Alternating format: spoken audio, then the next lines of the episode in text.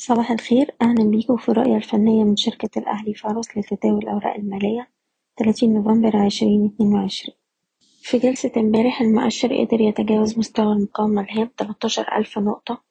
قفلنا عند هاي الجلسة عند مستوى 13184 أحجام التداول امبارح كانت مرتفعة نسبيا. دلوقتي إحنا بنستهدف مستوى المقاومة التالي عند 13280 ويلي مستوى 13400 دي مناطق مقاومة هامة واختبار قوي للقوى الشرائية.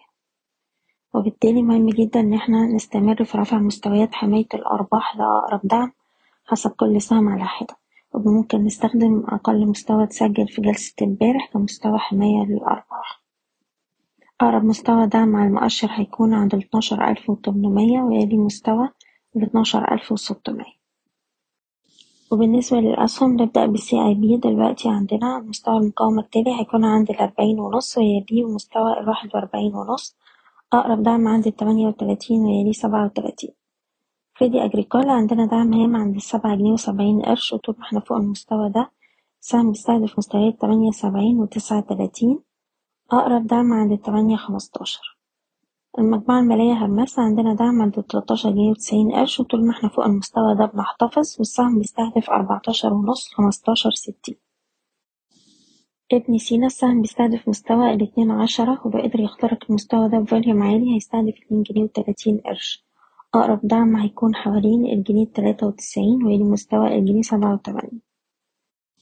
أوراسكوم كونستراكشن بنحتفظ فوق مستوى ستة وسبعين جنيه وشايفين السهم بيروح يستهدف اتنين وتمانين ونص وأربعة وتمانين جنيه.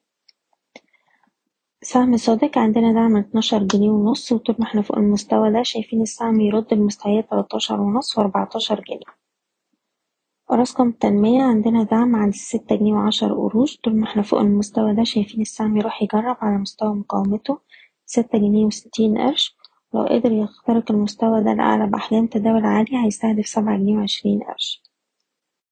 سهم أسباير بنحتفظ فوق مستوى الخمسة وعشرين قرش ومن هنا السهم يرد المستويات سبعة وعشرين قرش ونص يلي مستوى التلاتين قرش. أخيرا المنتجعات السياحية بنركز على مستوى المقاومة الهام الجنيه تمانية وسبعين لحد الجنيه تمانين. دي منطقة مقاومة رئيسية لو قدرنا نخترق المستويات دي لأعلى هيبقى عندنا التارجت عند اتنين جنيه واتنين جنيه وخمس قروش. بشكركم بتمنى لكم التوفيق. إيضاح الشركة غير مسؤولة عن أي قرارات استثمارية يتم اتخاذها بناء على هذا التسجيل. شكرا.